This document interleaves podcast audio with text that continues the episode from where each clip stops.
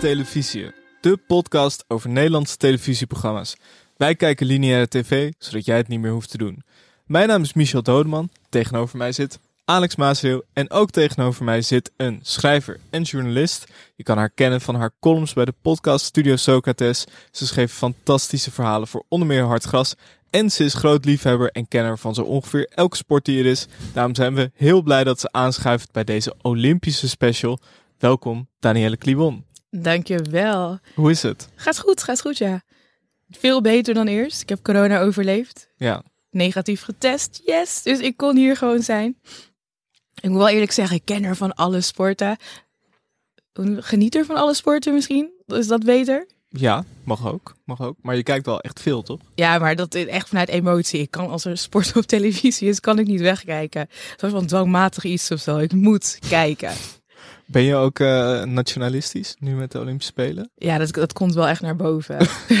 ik val er eigenlijk een beetje van. Maar dan zit ik ook gewoon schreeuwend voor de televisie of een werkoverleg. Even pauze jongens. Kjell gaat schaatsen. Stop, ik moet hier naar kijken. Terwijl als buiten de Olympische Spelen interesseert het me echt geen hol. Ik kijk geen NK's, ik kijk geen WK's. Maar Olympische Spelen, daar gaan we voor zitten. We volgen alles. Maar maakt het dan niet uit welke sport? Is het echt gewoon elke, alles waar Nederland naar meedoet, dat is dan juichen? Of is er nog wel een soort van hiërarchie daarbinnen? Ik zou heel graag willen zeggen dat er een hiërarchie is. Maar als ik eerlijk ben, Dus als er een Nederlands kampioen rodelen komt of zo, dan sta je ook Oké, gewoon maar juichend. rodelen vind ik dus oprecht leuk. ik vind het oprecht leuk. Like, twee, vooral het dubbel rodelen. Twee mannen op één slee, dicht op elkaar, in, innig verweven. Die echt op een ziedende vaart van zo'n eh, zo'n baan naar beneden roetsen. Het is bijna de meest aandoenlijke sport wel, hè? Ja. Rodelen. Ik weet niet, ik krijg er altijd een romantisch gevoel bijna wel van. Ik zou het heel leuk vinden als er een keer echt een sportheld komt, à la Max Verstappen van rodelen. Dat je gewoon kinderen met sleetjes ziet lopen en zo met rodelhelmpjes. Maar wil je dan enkel of dubbel? Eh nee, dubbel. Nee, dubbel, Ja, dat wel, doet het hem wel. Ik vind wel, eh, je hebt rodelen, je hebt skeleton en je hebt bobsleeën. Ja. Het is wel echt te veel. Ik vind dat er gewoon één sport moet zijn waarbij je op een sleetje heel hard door een baan heen gaat. Of misschien twee, eentje met je hoofd naar voren en eentje met je hoofd naar achter. Ja, oké, maar bobslee is natuurlijk wel wat anders. Daar zit je in zo'n bobslee, ja. Ja, maar ik vind Maar dat het- drie weet, posities voor bij. één sport. Ja, het is wel ingewikkeld. Ja, maar dat betekent dat we meer hebben om van te genieten. hè? Dat wel. dat is ook zo. Ja, we gaan het vandaag dus hebben over de Olympische Spelen en eigenlijk over de televisie over de Olympische Spelen. We zijn natuurlijk televisie. Dus we gaan aan de hand van eh, tv-fragmenten van de Olympische Spelen van dit jaar ehm, gaan we napraten. En we moeten natuurlijk beginnen bij Sjoerd en Daas. Waar Zo. was jij? Waar waren jullie toen het gebeurde? ik weet het nog heel goed. Ik weet het nog heel goed. Ik, eh, ik zat op de bank. Ik was bezig eh, een stuk te redigeren waar ik iets te laat voor was begonnen. En natuurlijk stond het aan. NPO stond op altijd de hele dag door, want ik mag niks missen. En ik zie uit mijn ooghoek, zie ik gewoon dat er opeens een man in beeld verschijnt die hem wegduwt. En ik denk, hè, hold up, laptop dicht, wat gebeurt er hier? Geluid meteen luider, what is happening? Het heeft wel echt een impact op mijn dag gehad hoor. Ja, in welke zin? Ja, ik kon gewoon niet meer verder werken. Ik, heb, ik ben gewoon gestopt. Ik heb echt mijn laptop dicht gedaan. Ik ben gaan kijken. Ik ben een beetje gaan googlen van is dit normaal en wat voor man zou dit kunnen zijn? En echt, ik vond het mooiste nog trouwens toen hij zelf ook Chinees ging praten. Ja, Dat was echt het hoogtepunt voor Ja. mij. Ik dacht, oh mijn god, het is het, hoe heet die Terlouw gewoon 2.0. Ja, want de NOS-verslaggever Sjoerd en Daas stond dus op een kruispunt in China. Eh, er werd aan hem gevraagd, wat gaat China de komende uren laten zien? En toen werd hij weggehaald door een beveiliger. En het was, ik dacht, misschien is het een politieagent, maar het was gewoon een vrijwilliger. Tenminste, dat zei die man. Klopt, gewoon een vrijwilliger. Iemand die niet eens in de officiële functie daar staat. Maar het mooie was ook dat, ja, oké, we, we worden nu weggestuurd, we gaan laten verder. En toen ging het over naar iets anders. Dus wij wisten thuis ook gewoon niet, wat is er met hem gebeurd? Is hij meegenomen? Zien we hem nooit meer terug? ik dacht aan die tennister. Ik dacht, oké, wat gaat er gebeuren met onze verslaggever? Straks horen we over twee maanden van het gaat goed met Sjoerd. Bijvoorbeeld, dan zien we Ja. hem aan de zijlijn ergens staan. En van ja, helemaal goed. Dus het was wel even een momentje van, hoe. Ik vond die reactie van volgens mij Malou Petter, de NOS-presentatrice van dat moment, die ook echt zo, zo heel, heel, Ja. oh echt zeg maar, die, die ging er wel goed gechoqueerd mee om. Ja, Precies en- op het, ge- sommige NOS-verslaggevers zijn dan altijd heel neutraal als er iets ergs gebeurt, weet je wel. Een heel uitgestreken gezicht. Maar eh, zij was echt zeg maar zo, zo dat, dat deed ze heel goed. Ja, en eh, volgens mij was het niet... Ik weet niet of het Malou Petter was. Maar in ieder geval, je... Oh ja, knikt ja. Sorry. Eh, het was dus uh, Malou Petter inderdaad. Maar wat ik ook grappig vond, is dat dat gezicht ook de hele wereld overging. Zeg maar, dat shot van aan de ene kant wordt Sjoerd weggehaald. Aan de andere kant kijkt Malou heel verbaasd. Ja, Ja, ja. Die, gaat dan de hele, die gaat dan de hele wereld over. Ja, Je weet ook niet wat je kan verwachten wat betreft China. Er komen altijd gewoon vreemde verhalen. Het is een gigantisch land. Je kan heel makkelijk één Nederlandse verslaggever daar gewoon verstoppen hoor. En ik ben echt wel iemand die gelijk in extreme gaat denken. Omdat van ja, dan gaat mijn, mijn fantasie gaat met me op de loop. En dan is het echt van oké, what is happening? Ik ging dan gewoon googlen. Ik ging Twitter zeg maar zoeken of daar dan misschien iets stond. Meer informatie. Jij zag ook meteen een soort tiendelige serie voor je van wat er gebeurde Ik met dacht een Sjoerd en Day. podcast, net als eh, de laatste dans. En dan gaan we op zoek naar Sjoerd. Voor het verhaal was het dus eigenlijk beter geweest als hij gewoon even een tijdje was verdwenen. Ook Een paar dagen. Een paar dagen. Ja, Ja, het mysterie was ik dit keer wel snel voorbij. Ja. Enerzijds vond ik het een beetje jammer. Anderzijds dacht ik, oké, gelukkig, is niks aan de hand. Ga gewoon door. Ik vind dit wel het beste argument voor eh, Dennis van der Geest als verslaggever ter plekke. Want Dennis was dit niet overkomen. Die had hem meteen in de houtgreep gelegd. Je hebt natuurlijk geen argument nodig om Dennis van de Geest er neer te zetten. Die moet eigenlijk alle sportevenementen doen, vind ik. Maar eh, een ongelukkig incident met een overijverig persoon werd het genoemd door het Ja. IOC. Ja, maar gelukkig was die avond was eh, Sjoerd alweer eh, up and running. eh, bij Studio... Nee, ik wil zeggen Studio Peking, maar volgens mij heet het officieel NOS OS. Hey, dit is geen Studio Peking? Nou, als je het zoekt op de NPO-site krijg je NOS OS Studio. Oh. Eh, wat niet een hele mooie naam is. Volgens mij in de volksmond inderdaad bekend als Studio Peking. En ze hadden een hele goede eh, eerste aflevering. Eh, moeten we het even hebben over de burgemeester van Etteleur? Ja, we moeten even naar dat fragment gaan luisteren eerst. En er wat context bij schetsen, want de beelden, jij gelooft niet wat je ziet. Ja, vandaag draagt Lindsay de Olympische vlag. Daar zijn we als Etteleurs super trots op. De hele gemeente hangt vol met posters. We hebben hele leuke teksten op de poster staan. Onder andere Lindsay draagt de vlag en wij hangen hem uit. Voor een pirouette komt Etteleur uit bed. Daar woont ze, hier in de wijk. Wij zijn de opa en oma van Lindsay. Wij wonen hier samen met eh, de mama van Lindsay, Lindsay en haar zusje. Ja, ik heb in deze doos allemaal spullen zitten. Voor te versieren. Ik ga nu naar Breda, naar de ijsbaan. Waar ze ooit begonnen is. Op het moment dat ik als we gaan kijken, dat we welke echt kippenvel ervan krijgen. Hè? Dat En tranen, denk ja, ik. Misschien ook wel, ja. Ja, ja, tranen, ja. Heb jij sleutels dicht? Ja. Rij nergens tegenaan van de zenuwen. Altijd lastig met de techniek. Wil je net zien op het laatste moment. Oh, is het signaal weer weg? Eh, ja, hij doet het niet. En dan moet hij weer helemaal opnieuw opladen of iets. Dus, eh, nou ja. Hoeveel dus is ze als ze binnenkomt met de vlag? Ik denk dat ze op alfabetische volgorde komen binnenkomen. Ik denk dat de, de A van Australië, de C van, waarschijnlijk van China.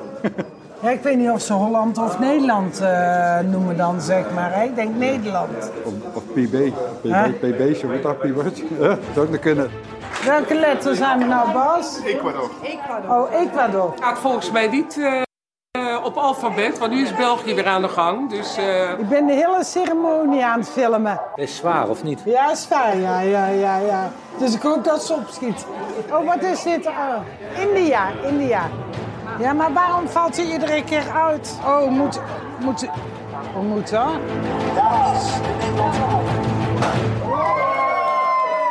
Oh, Lindsay. Emotioneel. Ja. Ja, Danielle, kan jij eh, beschrijven wat hier precies gebeurde? Met de burgemeester van Etteleur op de, Ja. op de, te lopen. Want het idee was dus eh Lindsay van, eh, van Zunder, de kunstrijder, die zou de Nederlandse vlag dragen. En de NOS toog naar Etteleur om te kijken hoe het daar maar ging. ik, ik vond haar oma ook geweldig. Ja, Ik, ik, weet, ik vind die oma vind ik eigenlijk nog wel mooier dan de burgemeester. maar het begon dus met eh, burgemeester Miranda de Vries. Die stond op een loopband in een sportschool. Dat werd verder ook niet Het uitgelegd. werd niet toegelicht, nee. Het was gewoon... En ze, ze- er werd ook een, eh, eh, een slogan was er voor Etteleur. De slogan was, voor een pirouette komt Etteleur uit bed. Gemeenteslogans zijn altijd zo ontzettend kut. En dit was echt alweer een grandioos voorbeeld Deze daarvan. Hè? dus eh, langs de wegen. Maar er stond erachter ook zo'n vrouw met zo'n bord omhoog. En die had verder ook geen rol. Ik dacht echt van, hoe is dit gegaan? Hoe lang is ook gefilmd? Hoe lang stond die burgemeester op die loopband? Hoe lang moest die vrouw stilstaan met dat bord erachter? Ja, maar dat is dan, zeg maar, van de Olympische Spelen was dat dan dat gekke autootje wat je altijd, waar jullie over altijd Ja. komt. Ja. En dat was die loopband, denk ik, in dit geval. Het heeft geen functie, maar het was er en we hebben ervan genoten. En we hebben het er nog steeds over. Maar ik vraag me ook af wie er dan met het idee kwam. Dat die burgemeester zelf van, ik wil uitstralen dat ik sportief ben. Dus ik ga op die loopband staan. Of was dat een NOS-verslaggever die zei van, nee, Waarschijnlijk was het gewoon een woordvoerder van de, Ja, van de burgemeester. die dacht dat het een heel goed idee goeie. was. Of stond ze al op die loopband en wist ze niet hoe die uit moest? Staat ze nog steeds op die loopband? Ik vind sowieso, je had het net over nationalisme en zo, over al die sporten. Ik heb dat ook met, met steden, dat vind ik ook geweldig. Of dorpen, weet je wel. Als Ja. er dan iemand, een grote speler daar ineens vandaan komt. Het beste voorbeeld is natuurlijk Arkel met Frenkie de Jong of Oldenzaal met Björn Kuipers, weet je wel. Dat een stad en een persoon soort van één worden. En Dirk dat heb ik nu, Dirk Kuyt, zeker. En dat heb ik nu ook een beetje hierbij. Dat is Ja. toch Etteleur. Ik zal Staat nu het vooral er op nooit de meer kaart. loszien van Lindsay. Nee, Nee, en vooral van de oma van Lindsay. Ja, de oma van Lindsay. zo over grote Die spelers stond gesproken. daar ook zo parmantig. Ik moet eerlijk zeggen, de oma van Lindsay. Mag ik dat zeggen? Ik weet het niet, maar het- ik dacht echt, oké vrouw, wat gebeurt er hier? Ik ben helemaal geïntrigeerd. Ik, dat een beetje dat zonneblank kleurtje, de strakke huid, de houding, maar ook de trots en de emotie toen ze met haar, zeg maar, ging filmen op de televisie, hoe haar kleindochter gefilmd Ja. werd. En eh, ik was helemaal gewoon intrigued. Ik zat echt te kijken, ah, wat gebeurt er hier? We kregen ook echt hun dag mee, want het begon bij opa en oma thuis. Thuis, ja. Zagen we ze, ze grabbelen in een doos met oranje spulletjes. Eh, daarna zag je hoe ze naar eh, de schaatshal reden. Opa, of nee, oma zei nog tegen opa, rij nergens tegenaan van de zenuwen. Toen gingen we naar de schaatsbaan, waar de tv het eerst niet deed. En toen ging oma Ja, dat inderdaad... was zeg maar echt even. Even spanning, hè? Juist. Spanningsboog. Moet natuurlijk altijd een van, reportage. gaat dit wel goed komen? Gaan ze het kunnen zien? Dat Ja, uiteindelijk. Toch. ik vond het zo leuk dat oma was dus met haar iPhone of met haar smartphone de hele ceremonie. Maar echt de hele ceremonie. Die ceremonie duurt gewoon drie uur of zo. Was zij helemaal.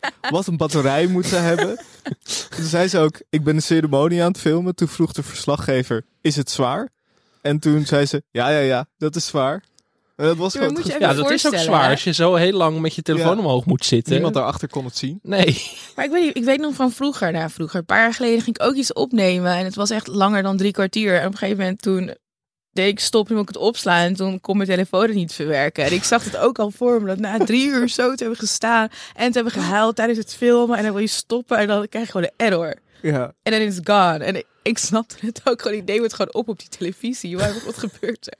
Kijk Maar het het is- terug op YouTube. Maar het is zo'n zware verantwoordelijkheid ook om met zijn telefoon dan en zo. Ik heb dat ook wel eens gehad toen ik bij de Wereldrijd door was met mijn moeder. Mijn moeder wilde heel graag met Najib Amali op de foto. Ik weet niet waarom, maar toen was dus mijn telefoon leeg. En dat moet ik nog steeds wel eens Oh, horen ja, van mijn ja. moeder, weet je wel. Dat soort dingen. Had ik hier ook bij. Stel dat het, dat het bestand gewoon weg was geweest en het was nooit meer terug te kijken. Dan was zij daar de hele leven op aangekeken. Je kan natuurlijk bij de NPO kan je ook geen screenshot maken. Nee, nee, nee, dan krijg je daarom. een zwart scherm Ja. inderdaad. Ja, dus zij dacht van het moet niet gebeuren. Dat had ze waarschijnlijk al geprobeerd. Ze dacht, ja, ik ga die, die eh, gewiekste mensen van de NPO gewoon voor zijn. Ja. Ik, eh, ja en die avond, bij, de eerste avond zat dus bij de NOS OS studio ook Sjoukje Dijkstra. Geweldige vrouw. Ik heb echt genoten van haar. Ik wil dat ze iedere avond daar gaat zitten. Ja. Ja. Het enthousiasme van die vrouw. En nee, het was wel echt, ze sprak heel veel. Dat moet ik wel eerlijk zeggen. Maar ze, Ah, dat mocht je- ook wel. ze was zo blij. Dus het was ook gewoon leuk om naar haar te kijken. En ze heeft alles zelf meegemaakt. Dus dan kon ze ook gewoon qua ervaring toevoegen aan de verhalen van anderen. En ook haar eigen verhaal natuurlijk. Dat ze alles, of tenminste haar ouders hebben alles haar bekostigd. En ze was echt in haar eentje. En toen ze Mhm. vertelde dat ze in, in Engeland volgens mij zat. Ja, vanaf haar elfde. En ze- dat vertelde ze echt van, ja, she was brushing it off, want het is niet heel belangrijk. Maar volgens mij heeft ze daar echt een kuttijd gehad. Ja. En ze heeft gewoon doorgezet voor de sport, voor haar passie. En ik denk dat die vrouw echt een heel mooi verhaal te vertellen heeft. En, en alles wat, hoe ze daar zat, de blik in haar ogen, je zag echt, zij is intens aan het genieten hiervan. Ik vond het echt heel leuk om te zien. Ja, want soms heeft het ook wel iets treurig of zo. Als er echt hele oude sporters van wel hier, weet je wel, aan zo'n talkshowtafel gaan zitten. Ja, dat dacht ik dus eerst. Ja, dat toen- dacht ik Omdat ook. ze haar hoofd schudden. En ik Ja. dacht, oh, dus, ik dacht dat het een afwijking was, zeg maar. Maar ze schudden gewoon haar hoofd omdat de informatie niet klopte. Maar ik dacht, oh, dit is een, dit wordt treurig. Het is een ex-Olympisch kampioen Ja. die nu aan het einde van haar leven zit, zeg maar. Ja, die mensen die misschien heel veel in het verleden leven of zo, dan, krijg je, dan Juist, vind ik het altijd dat meteen had iets zieligs. Maar dat had zij helemaal niet. Ze zat Nee. best wel goed in de materie ook Ja. en zo. Ze praten goed mee over alles. Ik vond het echt Er zat indrukwekkend. haar eh, gouden medaille mee. Ja. Maar haalt in volgens mij 1964. Ze schoof hem ook zo op tafel van, kijk, kijk even goed. Ja, pak hem maar. En Dione durfde hem bijna niet Ja. aan te raken. Nee, dat zou ik ook niet durven. Stel, ja, er gebeurt wat mee. Je voor, je laat hem vallen en het breekt Ja. door midden of zo. Het is wel een oude medaille, hè? Ja. Dione zei ook van, ik durf hem er niet uit te halen. Zei Sjoukje, ja, kan best hoor. Ja. Sjoukje haalt hem er waarschijnlijk elke dag gewoon uit om te alle, aan allemaal mensen uit te delen. En, maar Dione, die hield zich goed staande. Die wilde hem echt niet aanraken. Ja. Oh, oh, oh. Laten we het hebben over eh, de NOS OS Studio. Het is Eh, zo'n slechte naam. Maar dan niet van overdag. Ja, het is een hele slechte naam. Wie heeft dit nou bedacht? Er werken toch heel veel mensen bij de NOS. Ze hadden toch kunnen zeggen van, we doen wel gewoon Studio Peking. Dan snappen mensen de hint Maar wel. Op de, op de, hoe noem je dat, digitale televisie, daar staat wel gewoon eh, Daar wel, NOS ja. Studio Peking en niet dat Ja. Olympische Spelen erbij. Maar ik denk dan ook, waarom staat de NOS erbij? Want we weten dat, we weten dat We de NOS... kijken NOS, we We kijken weten NPO. dat het niet Talpa is of zo. We weten Ja. van dit is NOS. Maar goed. Ehm, overdag wordt er dus uitgezonden vanaf de Jaap Edebaan in eh, Amsterdam. En ik wil het eerst even hebben over die schaatsende mensen op de achtergrond. Ja, Wie ja, die zijn ook goed. Bij dag Volgens en mij zijn die ingehuurd hoor. Die Ja, zijn echt ingehuurd. Het kan zijn niet. Normaal, normale, ja, normale mensen. Normale mensen zoals jij en jij en ik, maar gewoon, die zijn gewoon ingehuurd om maar rondjes te schaatsen. Maar het was ook maandagochtend. Het was echt verschrikkelijk weer. Precies. stormde. En die mensen stonden daar gewoon. Je schakelt in en er staan altijd. Ik wist helemaal niet. Ik kom ook uit Amsterdam. Ik wist niet dat de Jaap Edebaan zo populair is. Ik ben er een paar keer geweest en het was nooit zo druk als hoe, hoe het nu is, zeg maar. Maar het is, het is wel echt. Dus het is geen bandje of zo dat ze altijd afspelen. Ja, maar dus is een verslaggever van het Parool is daarheen gegaan toen, eh toen Wust moest schaatsen de Ja. eerste keer. Ja. De eerste keer is ze twee keer geschaatst, ja toch? Nee, Ehm, ja. Ze moet nog een keer. Ze moet nog Ja, een keer. Irene heeft, Irene, oh, allebei Irene trouwens. Ja, Ja, ik heb in de Irene. Dat, dat, en Irene. dat is de verwarring. maar toen is moest schaatsen, is hij daarheen gegaan om, eh, om verslag te doen. En heeft hij ook die mensen daar, een paar mensen geïnterviewd. En het waren zeg maar Robots. wel normale mensen. Oh. Zeg maar hoe je het normaal kan noemen als je in de regen rondjes gaat schaatsen. maar echt gewoon liefhebbers. Die dan een dagje vrij hebben genomen om dan daar te schaatsen en het shit. Maar mee wat te ik maken. ook heel gek vind, die mensen houden dus heel erg van schaatsen. Maar op het moment dat de grote gouden medaille race wordt gereden, dan zijn zij toch nog gewoon steeds aan het schaatsen. Nou, Dus ze krijgen toch niks mee ervan. je- ze stoppen meestal wel dan. Oh, op het moment dat Dus dan een moeten ze naar Nederlandse schaats... Nee, want ze kijken dan door het raampje. Ze gaan niet eens naar binnen. Oh, Je- Wat een niet iedereen mag toewijding. naar binnen. Je mag zeg maar gewoon buiten, mag je dan door het raampje kijken. Daar klaagden ze ook over. Van, joh, een waarom... hele goede context. Ja. Ze klaagden ook waarom niet een van de presentatoren eventjes naar buiten kwam om ook hun een beetje te entertainen. Want zij Ja. zijn dan basically gewoon aan hun lot overgelaten. Ze zijn letterlijk achtergrond. Echt wel luxe figuranten zijn. Zo. Onbetaalde luxe figuranten. Maar je kan daar niet gewoon gaan zitten daar achterin. Nou, ik weet dus niet of het café vrij toegankelijk is. Maar het deel van de set wat dus op televisie komt, volgens mij niet. Hmm, ik had dat eigenlijk nog willen doen als onderzoek eh, voor deze aflevering. maar toen dacht ik, straks fiets ik er helemaal heen en dan kan ik daar niet zitten. Dat zou ook wel heel treurig zijn. Geweigerd voor NOS OS ja, ik Studio heb ook geen schaatsen, dus ik dacht, ik kan daar ook niet, ik val meteen op. Kunnen jullie schaatsen? Eh, ja. Ik heb nog op ijshockey gezeten een paar jaar. Ja? Bij Jaap Edeman. Oh? Ja, ik zat op het Amsterdamse Lyceum en eh, we hadden altijd sport op de raarste plaatsen. En dus ook eh, op de Jaap Edebaan, of in de Jaap Edehal. En toen gingen we ijshockeyen en toen was ik best wel goed. En toen was ik, "Oh, wil je een keer komen kijken op ijshockeytraining? En toen opeens heb ik twee jaar geijshockeyd. en ik was helemaal niet zo goed als ik zelf dacht. dat was nog het mooiste, maar ik kon heel goed eh, bodychecks uitdelen. En, Kijk je nu ook nog steeds naar ijshockey? ja, ik volg de NHL volg ik wel. Ik was eh, heel erg fan van de Boston Bruins. Tegenwoordig ben ik overgezet tot de Pittsburgh Penguins. Maar ja, het is gewoon een leuk... Ik vind het echt een leuk sport. Jammer dat het zo laat is. Of nou ja, tijdsverschil natuurlijk. Maar ik kan er echt van genieten. Ik heb ook een paar keer dan eh, in Nederland ijshockeywedstrijden bijgewoond. Maar ja, dat niveau is gewoon echt laag. Of nou niet laag, doen. lager. En die puck... Kijk, als ik ijs, Amerikaans ijshockey kijk... dan kan ik die puck af en toe niet volgen en dan ben ik kwijt. En hier is het van zoef, zoef, zoef. Dus het is minder spannend. En een deel, deel de reden dat ik kijk is natuurlijk ook gewoon de bodychecks, de, de vechtpartij. Heb dat je, is die, het heb leukste. je die scheidsrechter gezien die gebodychecked werd? Ja, het was echt geweldig. Sorry, nou niet heel vervelend. Maar het- dat het is, ik kan er echt wel dus. genieten hoor. Ik Ja, kan wat- er echt wel genieten. Heb jij dat gezien, Alex? Nee? Het was een scheidsrechter. Er kwamen twee spelers op hem af. En Hij vloog echt. hij vloog dus echt, zeg maar, de, de wand tegen de wand. Want die twee spelers, die, ja, die, zag dat die gingen per ongeluk allebei tegen hem aan. Maar nog het mooiste was, hij werd dus echt geplet. Ja. En toen bounced hij een soort van terug. Toen dacht hij, oké, nou heb ik wel het ergste gehad. Nee. En toen was er nog een speler die hem per ongeluk met zijn hand, zeg maar, zo omhoog zwiepte. Dus toen viel hij nog een keer. En hij heeft ook zo'n zo'n bodycam. Dus je ziet gewoon echt, je ziet die mensen dan op je afkomen. Dan zie je hem echt ongelooflijk hard tegen de wand je leven smakken. ook gewoon voorbij als je dan twee van die ijshoekjes op je af ziet komen. Dat zijn hè? natuurlijk echt twee van die beren. En jij staat daar in zo'n foodlocker pak. Ja, Eh, zij hebben allemaal beschermende kledij. Ja. En jij staat daar gewoon. ik- Nee, ik heb, ik heb er hartelijk om gelachen, maar ik vond het ook wel een beetje zielig. Maar Ja. ik heb er wel heel hard om moeten Ik, lachen. ik kon er om lachen omdat hij weer omhoog kwam. Ja, dat, ze moeten altijd wel weer opstaan. Ja. Maar ik weet niet, ik heb het met sport ook al dat je gewoon een beetje ramptoerist bent. Daar American voetbal hetzelfde. Eh, de snowboardcross, hallo, denk ik, dat is toch geniaal. Vier mensen die gaan crossen over heuvels op een snowboard. Dat moet gegarandeerd fout gaan. En het gaat ook altijd fout. En een van de commentatoren zei het heel, doeltref, of, eh, heel treffend. Hij zei, er wordt altijd iemand afgevoerd, soms ook per helikopter. En dat maakt de sport zo mooi. Hij zei daar daarna wel van, het- omdat het spectaculair is. Maar dat deel van die quote, dat citaat is me echt bijgebleven. trauma-helikopter, dat is de charme van de sport. ja. Ik vind dat ook een hele gekke sport. Het zijn een soort van, je moet heel veel drempels over.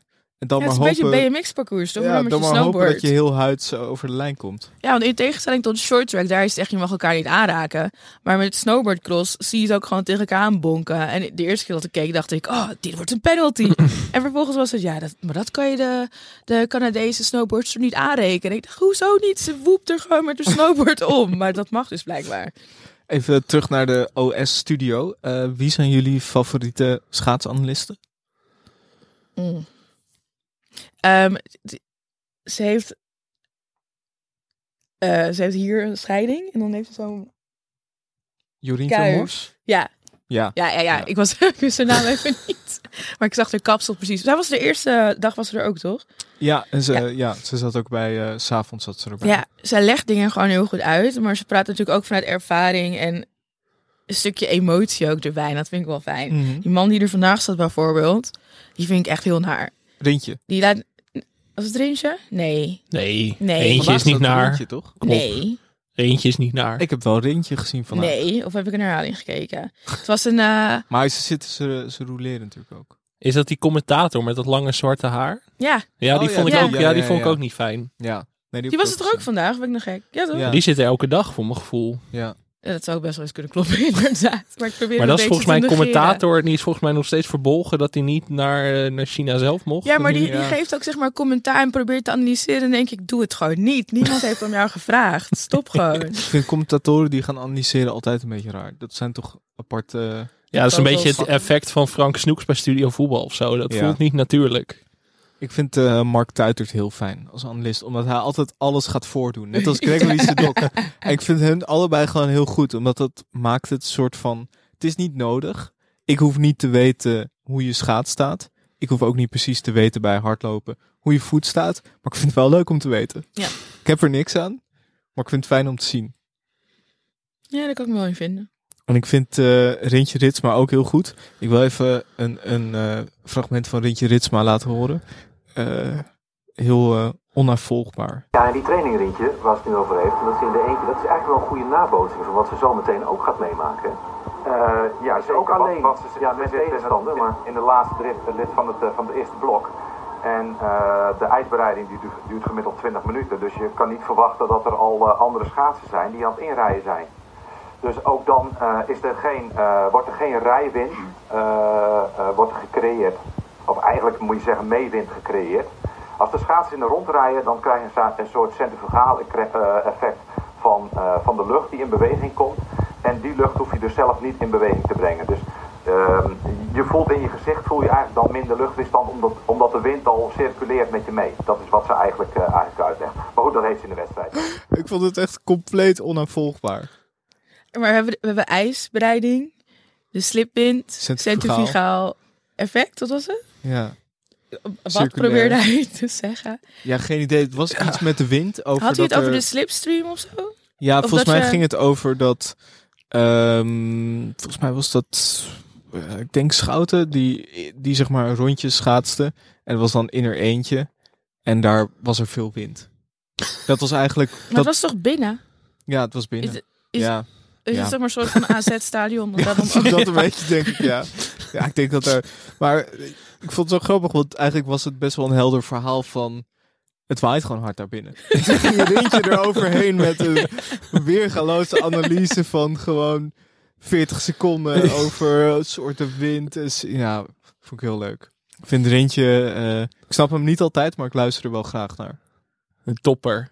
Maar het is een beetje het Ruud Gullit effect. Het maakt niet eens uit wat hij zegt, maar gewoon het gaat om de wel we performance. Ja, Ja. ja. Eh, Marianne Timmer vind ik ook goed. Nu verwacht ik eigenlijk dat jij even Jan Mulder imitatie zou doen. Daar hoopte ik heel erg op. Marianne Timmer. Fijn. Ze zat ook bij eh, VI vandaag. Ja, En met die hond. Met haar hond had ze meegenomen.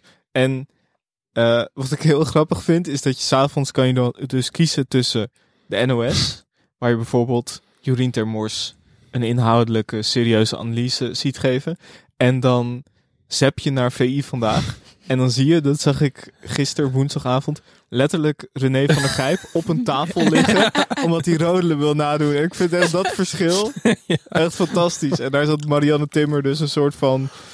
Ja, die zat er dan bij. En je moet ook altijd een sport verdedigen. Volgens mij was het Nicolien Sauerbrei Ja, die ja, ook dan ja. skeleton moest verde- verdedigen. En Nou, Nicolien moest alle sporten verdedigen. Want er werd, elke sport werd belachelijk gemaakt. Volgens mij Eus noemde alles een B-sport. En Nicolien Ja, zat echt zo van...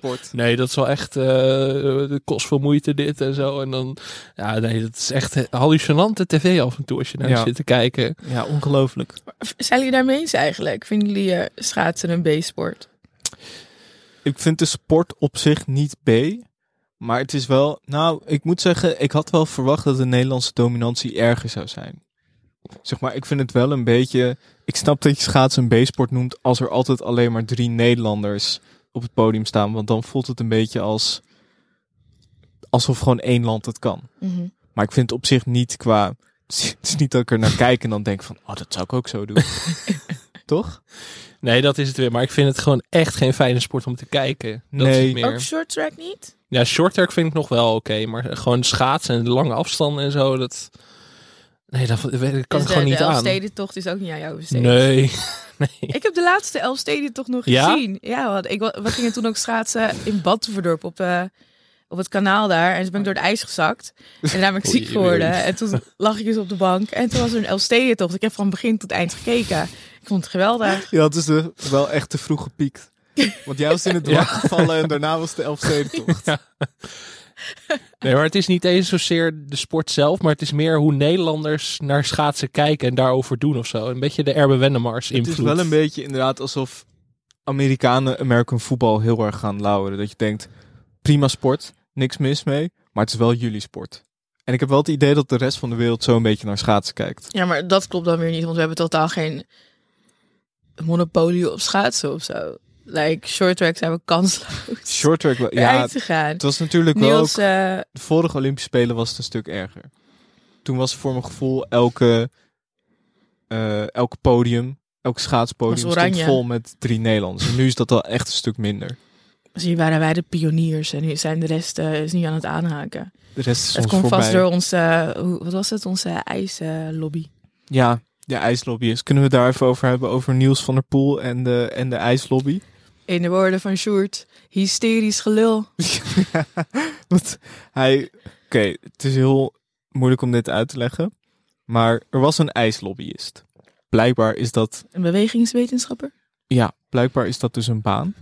ijslobbyist. Je kan ijslobbyist zijn. Dat is wel een droombaan, laten Volgens we mij betaalt het ook behoorlijk goed hoor. ja. Volgens mij is het echt een goed betalende functie. Is dus... Oké. Dus misschien dat we hier... Dit heb ik gewoon, dit, dit is echt gewoon, het voel ik aan mijn water. Ik heb geen bewijs. Maar ik denk dat echt. Het is wel vaak bij dat soort functies waarvan je niet precies weet wat iemand nou doet. Ja, zoals die journalist die de gemeente Amsterdam heeft ingehuurd. Die dan 200.000 per jaar kreeg en niemand weet wat hij precies deed. Ik denk dat een ijslobbyist echt ook zoiets is. En want het is dus, er was een artikel op schaatsen.nl waarbij eh, bewegingswetenschapper Sander van- Sander van Ginkel wordt opgevoerd. Die voor de Nederlandse ploeg een dagelijkse lobby eh, zou voeren voor het beste ijs. Eh, ik quote van Ginkel. De Nederlanders zijn gebaat bij hard ijs, dus moet het zo koud mogelijk zijn. Dat lijkt me sowieso een goed idee voor ijs. Ge- ja, maar Lekker iedereen koud. is toch gebaat bij hard ijs, zou je Dat lijkt zeggen? mij ook. Ik denk niet dat eh, Van der Poel denkt ja, van maar nou, ik stel je liever voor, de. Nederlanders zijn dan, die waren dan gemiddeld 73 kilo of zo. En dan is Van de Ja. Poel 82. Stel je voor, alle schaatsers zijn dan gemiddeld 60 kilo. Voor hun is een bepaalde maat van hard ijs is voor Nederlanders dan te zacht. Dus omdat wij dan iets zwaarder zijn als schaatsers, moeten wij ook ons hard maken dat het ijs echt hard genoeg voor onze schaatsers is. Ik kan me er wel in vinden. En als je dan ziet dat Van der Poel zwaarder is dan een gemiddelde Nederlandse schaatser, dan denk ik, ja gast, wat loop je nou te schreeuwen? Ja. Dit is ook in jouw voordeel.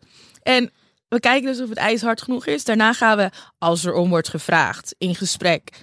Oh, dit is mijn nationalisme trouwens. Ik, ik zeg we. Oh, Goed voor de luisteraar, jij zit hier ook echt in je oranje schaatstenu met een vlag te zwaaien de hele tijd. Maar die ijslobbyist gaat dan, er is gevraagd in gesprek met de ijsmeester. En geeft dan gewoon advies. En alleen als er om gevraagd wordt, hoe ik het heb begrepen. En oké, misschien had, had- hadden de Nederlandse schaatsers en de Nederlandse schaatsbond er transparanter over moeten zijn.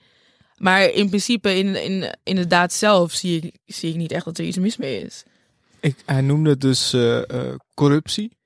Een gruweldaad. Erger Vertaald. dan doping. Erger dan doping, ja. De, volgens mij noemde hij het ook de grootste schande uit de geschiedenis Ja. van de sport. Dat is een quote van Henk de Jong toch ook? Ja. Eh, dat Cambuur toen niet mocht promoveren. Ja. Als ik dit zo allemaal op een rijtje hoor, doet het me ook denken aan die matchfixing man van PSV. Zoals hij het zo een beetje presenteert. Maar het is, ook, Corruptie! het is ook zo gek, want hij heeft al goud gewonnen. Wat ik dan zou denken, kijk, eh, dit wordt uitgezonden op zaterdag.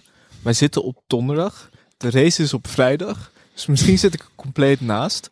Maar maakt hij niet gewoon alleen maar de Nederlanders heel boos hiermee? Of misschien, ik, ik, ja, worden, zijn wij te erg afgeleid hierdoor? Nou, ik heb wel het? idee dat eigenlijk het in Nederland niet heel erg leeft. Zeg maar onder de Nederlandse schaatsers. Die hebben precies. Volgens mij eentje heeft nog een TikTok gemaakt. Eh, die, ehm, ik ben zijn naam vergeten. Heeft een TikTok gemaakt dat hij aan het bellen is met de ijsmeester zogenaamd over het ijs. En ik denk echt de nuchtere Nederlander laat dat gewoon van zich afglijden. En eh, vandaag wint Schouten weer eh, goud. En we gaan gewoon lekker door. En Schulting gaat ook op short track weer goud winnen. Dus wij laten de, me- sorry, de Nederlandse schaatsers laten de medailles spreken. Ik denk dat Niels van der Poel gewoon een beetje aan het eh, stoken is en reuring wil veroorzaken. Prima gozer.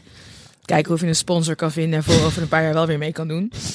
Zelfs Annie Vriesinger heeft zich eh, erin Oh. gemengd. Ze zei, eh, ijskwaliteit is belangrijk en ik weet zeker dat het voor iedereen gelijk is. Niels van der Poel moet zich concentreren op de 10 kilometer.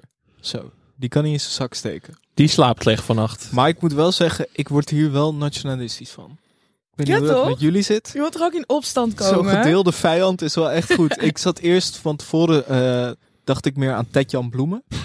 Dat is Ja, gewoon maar een dat is een non-factor. Die doet niet eens mee. Dus dat, Ja, dat kan je niet als vijand zien. In vorige Olympische Spelen won hij wel een medaille, toch? Ja, klopt. Toen Maar- was het van tevoren echt wel een ding van... Hij was natuurlijk overgestapt eigenlijk naar de Canadezen. En dat was toen die Olympische Spelen een hele fijne, ja, fijn iemand om je tegen af te zetten. En nu hebben we Niels van der Poel met zijn eh, Groningse opa. die ons erbij probeert te lappen. ja, nou, ik eh, ben benieuwd. Dit is misschien helemaal achterhaald of zo voor de luisteraars. Op het moment dat ze het luisteren. Het kan ook wel grappig zijn. Misschien in de komende twee dagen wordt het wel echt een schandaal of zo. Ja, Dan zitten we er Helemaal helemaal ontploft. Vechtpartij op het ijs straks van de week. Dat zou wel echt leuk zijn. praktijken op het ijs. Dat mis ik wel eens bij schaatsen inderdaad. Echt die, echt die keiharde clash. Dat zou ik nog wel eens vaker willen zien. Echt dat ze gewoon op de Weet vuist gaan naar de finish. Die dan eh, even een Ja. armpje over het elleboogje ja, precies. Ik vind. Shinky Knecht dat is wel echt een fijne ontregelende factor, vind ik. Ja, kunnen we gaan dan eh, meteen naar het short tracken. Eh, ik heb het idee dat iedereen alleen maar valt. en dat de VAR er steeds aan te pas moet komen. Ik vind het heel leuk dat de VAR ook Eén man is. één man is. En dat hij zelf ook op schaatsen is. Ik, vind, ik heb echt medelijden met hem. Hij zit op een veel te klein schermpje. Op Moet die hij schaats, dus je minuscule- staat niet lekker. Precies. En dan moet hij kleine handelingen bekijken, twintig keer opnieuw. Of het nou wel, of het zeg maar een normale armbeweging is, of een armbeweging om expres iemand eh, uit evenwicht te brengen. En dan denk ik, ieder komt hij weer aanschaatsen en dan staat hij weer te turen en te turen en te turen en te turen. En ik zit ook gewoon, ik stop dan met alles van, ja, wat gaat hij zeggen? Nee, ik, die, die man, volgens mij hierna is hij overspannen. Ja. Echt. Maar ik moet zeggen, ik heb filmpjes teruggekeken, want zo ben ik dan ook wel weer. Dan denk ik, ja, Shinky, je zit helemaal fout. Maar die Koreaan die doet ook wat. En die Chinese doet ook wat. Ik heb echt heel veel filmpjes teruggekeken. en ik ben in een Chinese Twitter gedoken. Die helemaal uitvallen tegen de Koreanen. Daarna ben ik in de Koreaanse Twitter gedoken. Die wijzen naar Shinky en naar de Chinezen.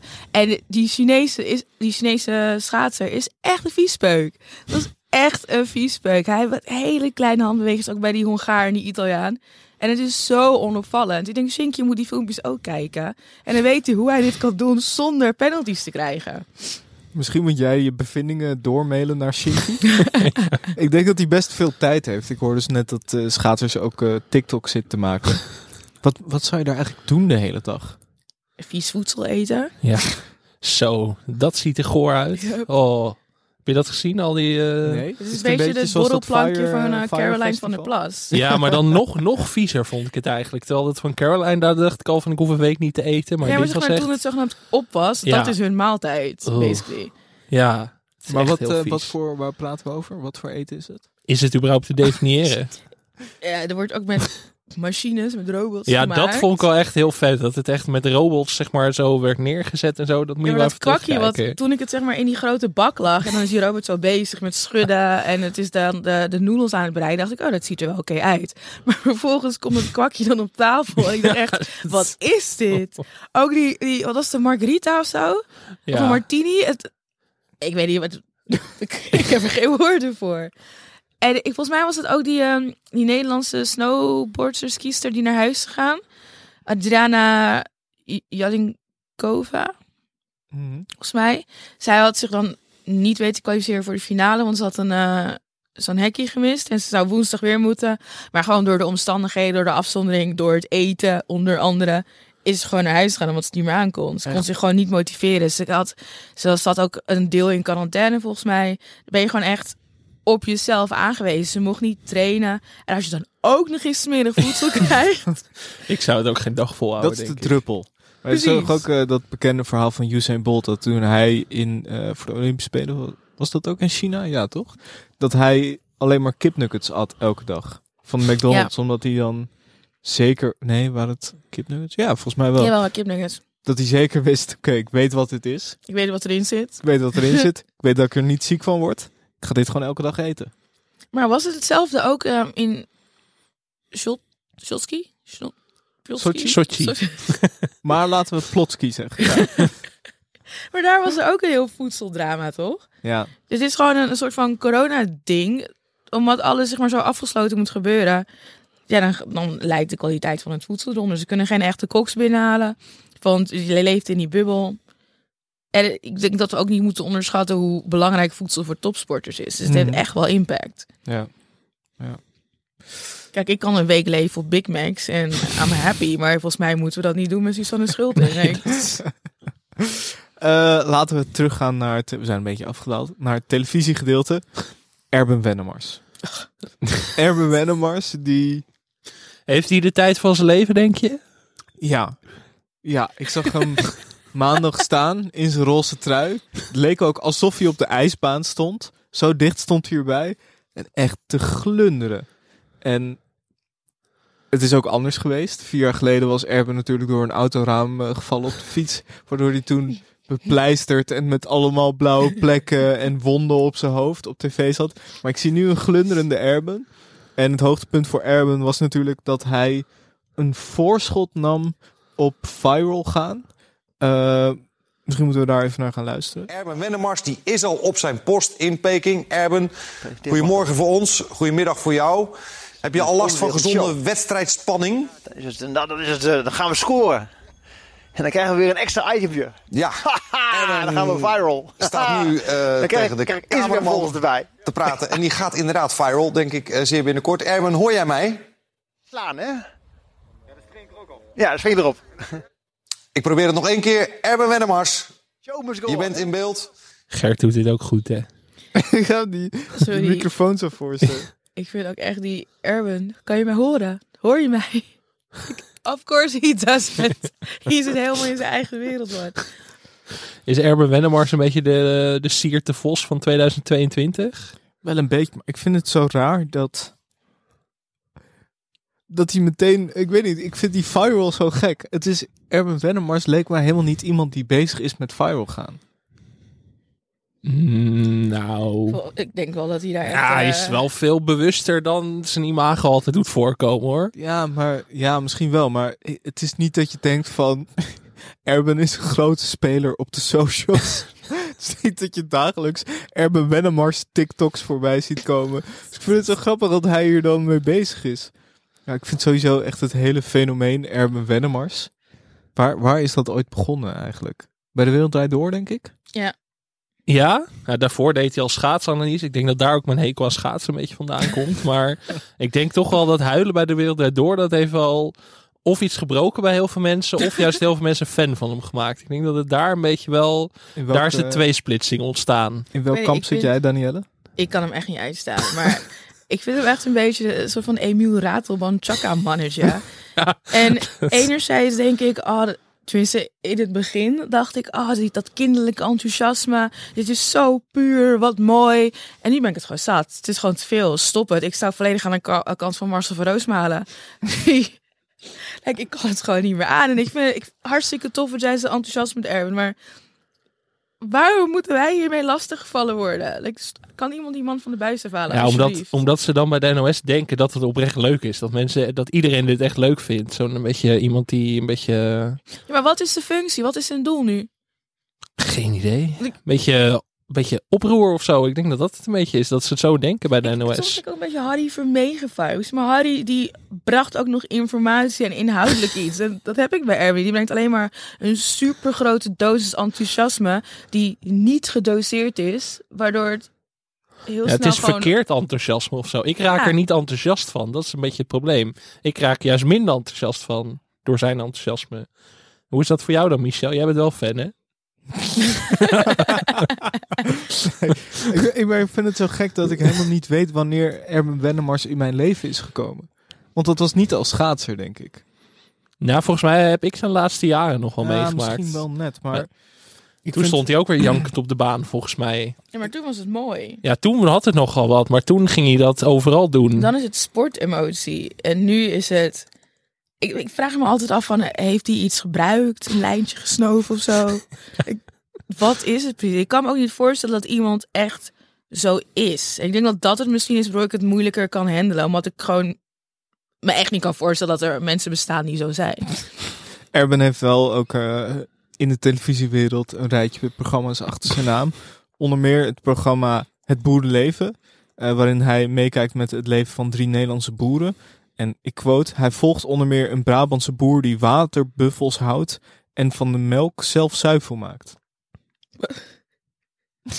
Het is echt heel raar. Er was nog een ander programma, eh, Meer dan Goud.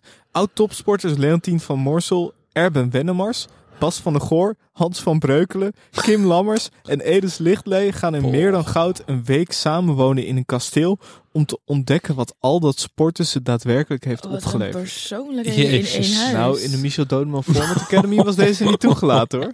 Jezus. Wat is dat voor rare... Dan, dan merk je dus dat de NPO hem wel heel graag wil gebruiken.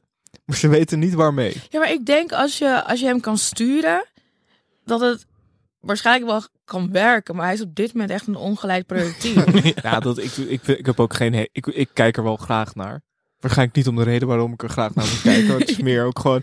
Maar op zich als schaatsanalist of zo is het natuurlijk... Maar het is gewoon heel gek dat hij daar rondloopt en voor stadion staat. En dus een soort van... en niet wordt weggestuurd. nee, nee, waarom wordt hij niet weggetrokken door een uh, overijverige steward? Dat zijn de beelden die we willen zien. Ja, Erwin. Hij is toch ook toch nog performance coach geweest bij PEC Zwolle of zo? Dat is toch ook helemaal Ja. mislukt? Maar wel, ja. dat Volgens mij wel. Een paar jaar eh, geleden was dat, maar toen is hij echt geruisloos weer vertrokken volgens Ik mij. zie een artikel van gisteren van RTV Oost. Schaatstalent Joep Wennemars rammelt aan de poort. Nee hè? Dat is, Is de dat zoon, zijn zoon? van... Ja. Nee. Dus er komt een hele dynastie, Dynastie. aan. Maar Ja. misschien is dit ook wel het lange termijn plan. Erwin houdt de aandacht vast totdat zijn zoon klaar is om het stokje over te nemen. Ja, dus En dan nog staat het hele jaar- land gelijk achter zijn zoon. Ja. Sta ik waarschijnlijk ook weer met mijn vlaggetje.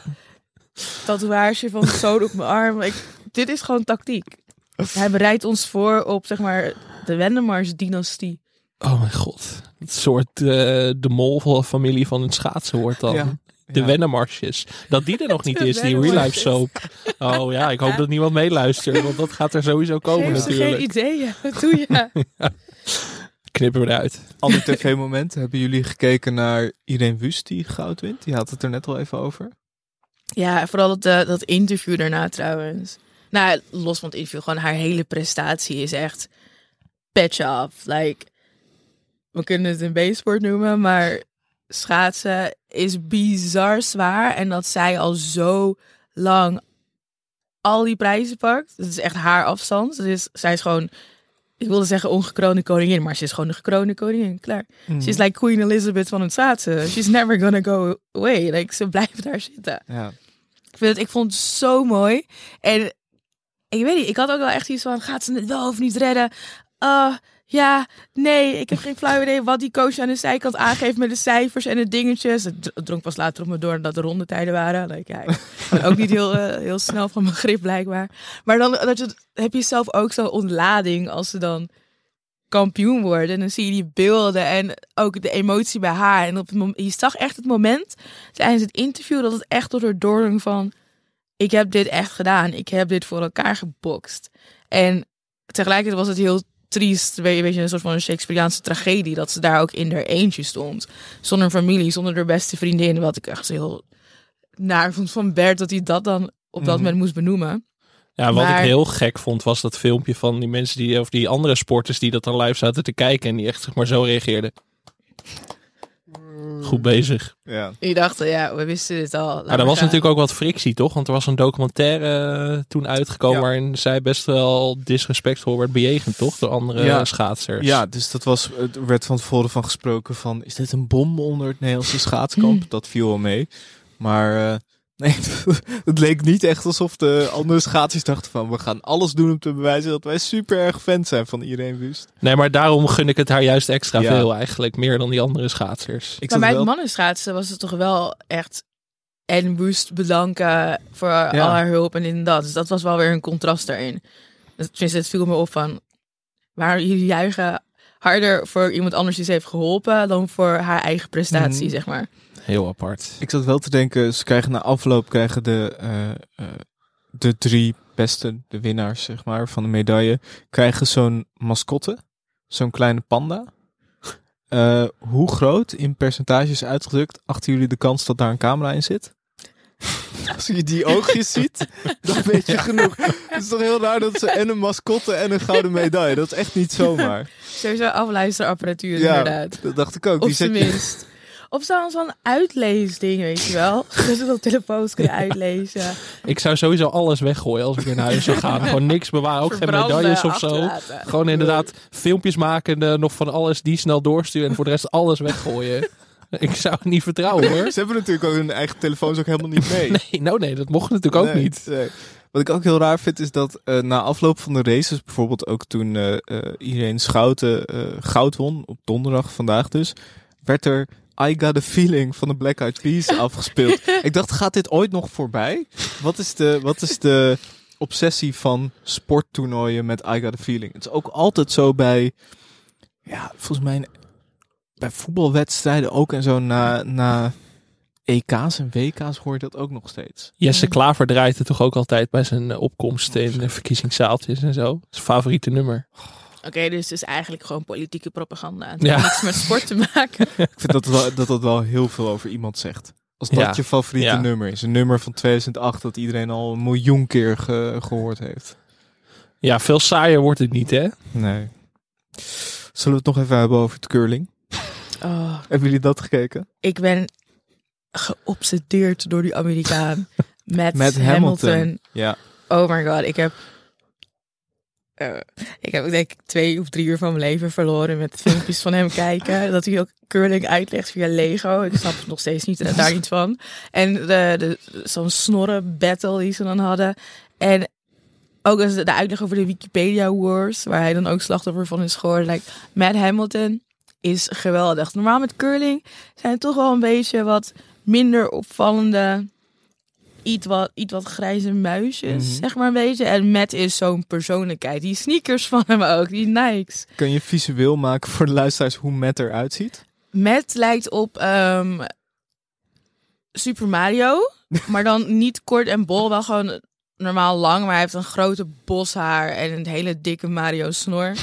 Eh, het- hij is luid, hij lacht Ja. veel en hij heeft sneakers in echt alle kleuren. Maar die ene sneaker die hij dus aan heeft met curling heeft alle kleuren van de regenboog en tijgerprint en zebra print en weet ik veel wat nog meer. Het is een heel kleurrijk persoon die heel erg opvalt op de curlingbaan waar het normaal eigenlijk een beetje in grijs tint eh, is gehuld. Maar zijn partner trouwens heeft ook, had ook heel lang die snor. Ik vind het heel raar bij curling. Ik zat ook een samenvatting te kijken. Dat omdat er niemand in het stadion zit, hoor je ze praten. Maar het gaat er best wel relaxed. Tenminste, bij de Russen ging het er niet zo relaxed aan toe. Maar bij de Engelsen ging het er heel relaxed aan toe. Nee. Die hadden ook, nou, Of waren dat een man en een vrouw waren dat? Dat Ja. waren de Engels toch? En hij was dus aan het eh, Ja, dat vegen. en die, toe. Do I have that? Do I have that? En die vraagt, you have it. You have it. I need to know. I need to know. En I was like, je bent aan het bezemen op ijs en er, er schuift iets. Wat gebeurt Maar er? ik hoorde tussendoor ook hoorde ik ze een keer lachen. Ja, dat er een ja. grapje was. Ja. Dus ik dacht, oh, Dat dat, kan vind, ik wel, vind ik wel fijn. Lekker ontspannen. Toch? Zeker. Ja. Ja, Curling ik heb niet echt een analyse Nee. over curling, is sorry. zo'n zo'n sport en er gebeurt eigenlijk niet zoveel. Niks spectaculairs. Niemand wordt afgevoerd met een helikopter.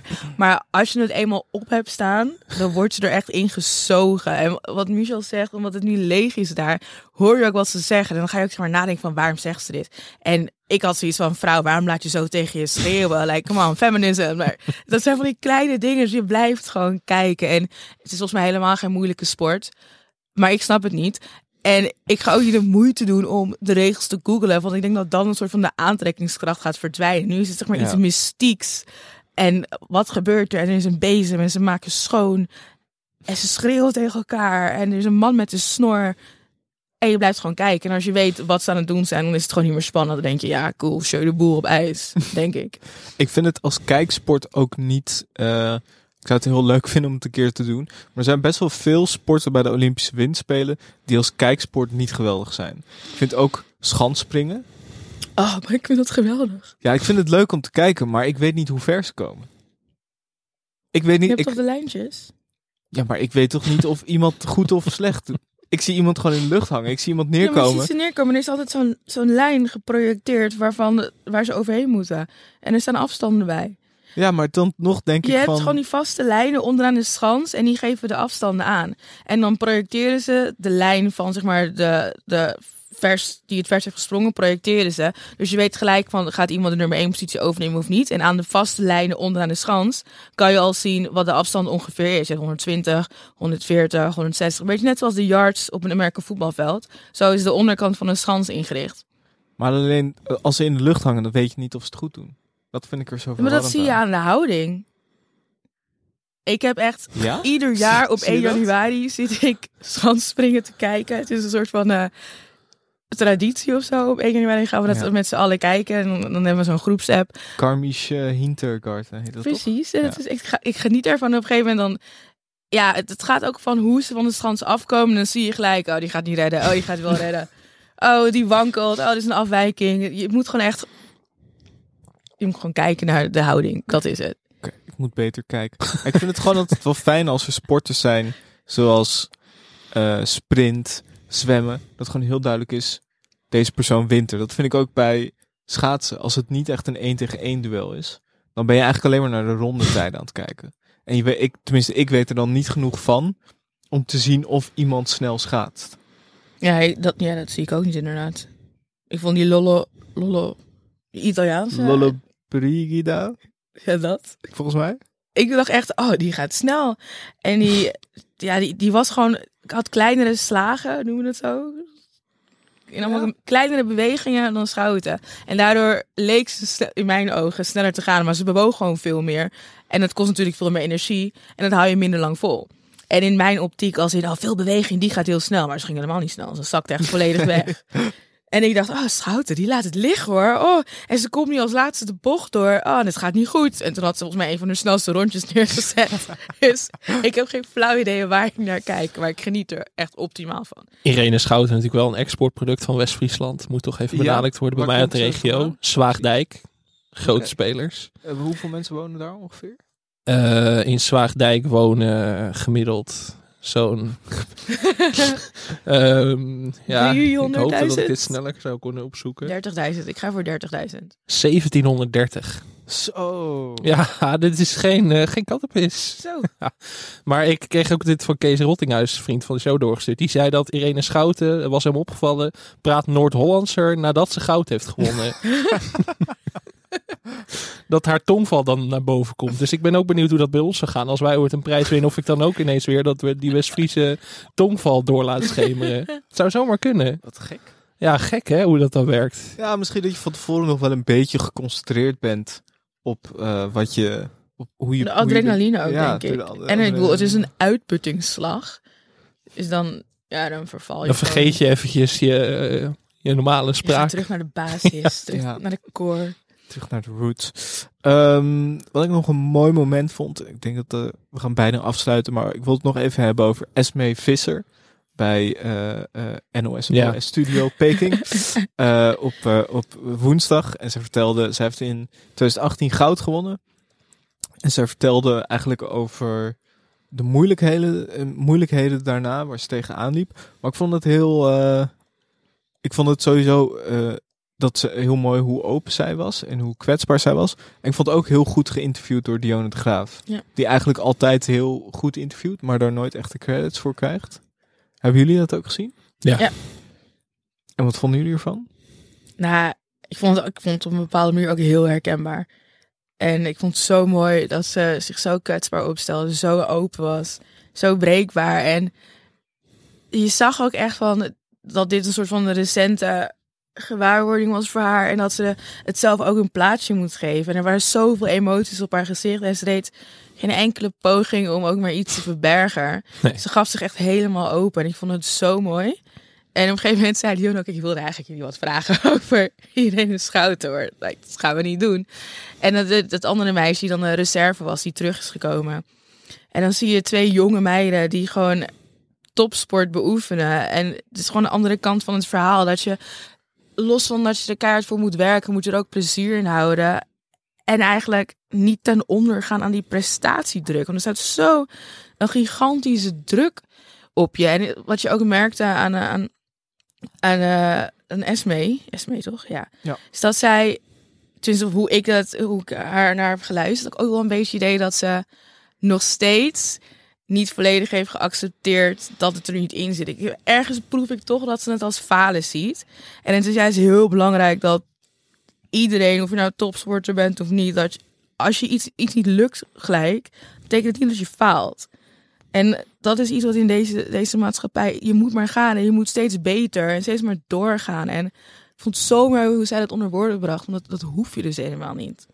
Het belangrijkste is dat je het moment niet uit het oog verliest en het hier en nu leeft. En natuurlijk, ambities zijn mooi en reach for the stars, maar het moet niet ten koste gaan van leven. En dat heeft zij eigenlijk, de, de, de twee jaar nadat zij haar medaille won, heeft zij eigenlijk niet geleefd. Ze was alleen maar bezig met beter worden en harder gaan en sneller gaan.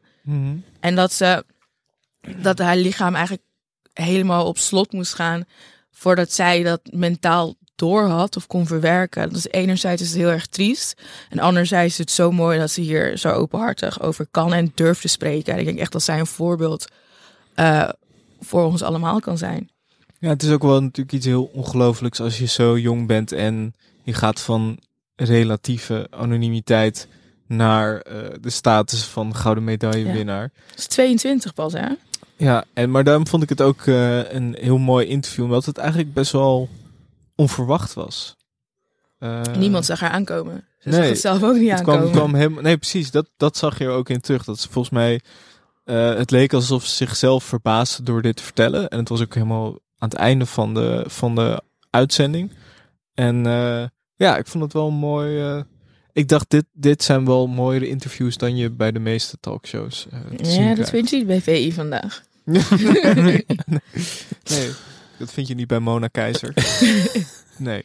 Eh, ik denk dat het tijd wordt om af te gaan sluiten. eh, langzaam. Gaan jullie nog veel kijken? Zijn er dingen waar jullie je op verheugen de komende twee weken nog? Schulding. Ik ben echt een beetje een fangirl. Ja. Like, ik wil zeggen, als het een man was, zou ik verliefd zijn. Maar eerder als ik lesbisch was, zou ik verliefd zijn op Suzanne Schulting. Je wil niks aan haar veranderen. Nee, precies. Ze is helemaal perfect hoe ze is. Like, oh, I love her.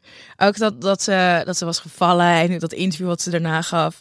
En oh, ik dacht, oh meid, ik wil je gewoon een knuffel geven en vasthouden. En volgens mij, ja, ik wil Jinky ook nog wel een keer gewoon zien. Ik wil gewoon ergens zien opduiken. Geweldige vet. Hij, alsof hij zo is weggelopen uit de Lord of the Rings film of zo. Ja. En ja, Alex? Ik eh, schakel gewoon af en toe in. Ik, ik, ik heb de kennis niet, dus ik zet hem gewoon af en toe aan en dan ga ik gewoon willekeurige sporten kijken. Dat is een beetje mijn tactiek. Lekker kijken naar Erben. Ja, dat vooral. ik kan niet wachten op nieuwe Misschien we, content. misschien moeten we eh, op eh, onze social media accounts een soort Erben Watch doen. Elke keer als Erben op tv is, dat we dan een soort van eh, waarschuwing doen van je kan nu kijken. Erben nu, live eh, blog. ja. ja, ik eh, ben benieuwd. Ik vond het in ieder geval heel leuk dat je er was. Thanks dat ik mocht komen.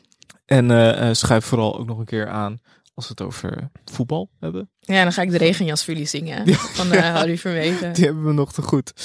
Vind je deze aflevering leuk en wil je meer van ons? Vergeet dan niet te abonneren. Laat een reactie achter op iTunes en geef ons sterren via Spotify. Je kan ook vriend van de show worden voor extra content. Dat kan op vriendvandeshow.nl slash televisiepodcast.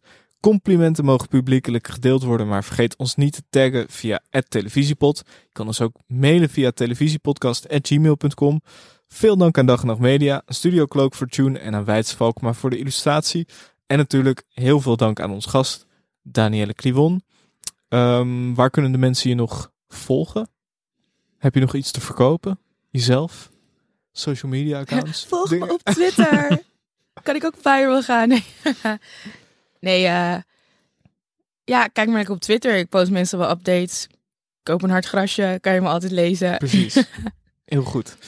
Tot volgende week. Tot volgende week. Kom mee sporten, kom mee sporten. Maak je spieren lekker los. Op een springschans in een ijshal of een helling in het bos.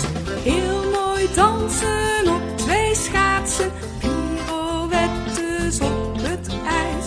Dubbele schroeven en een salto die kunstrijders zijn niet wijs.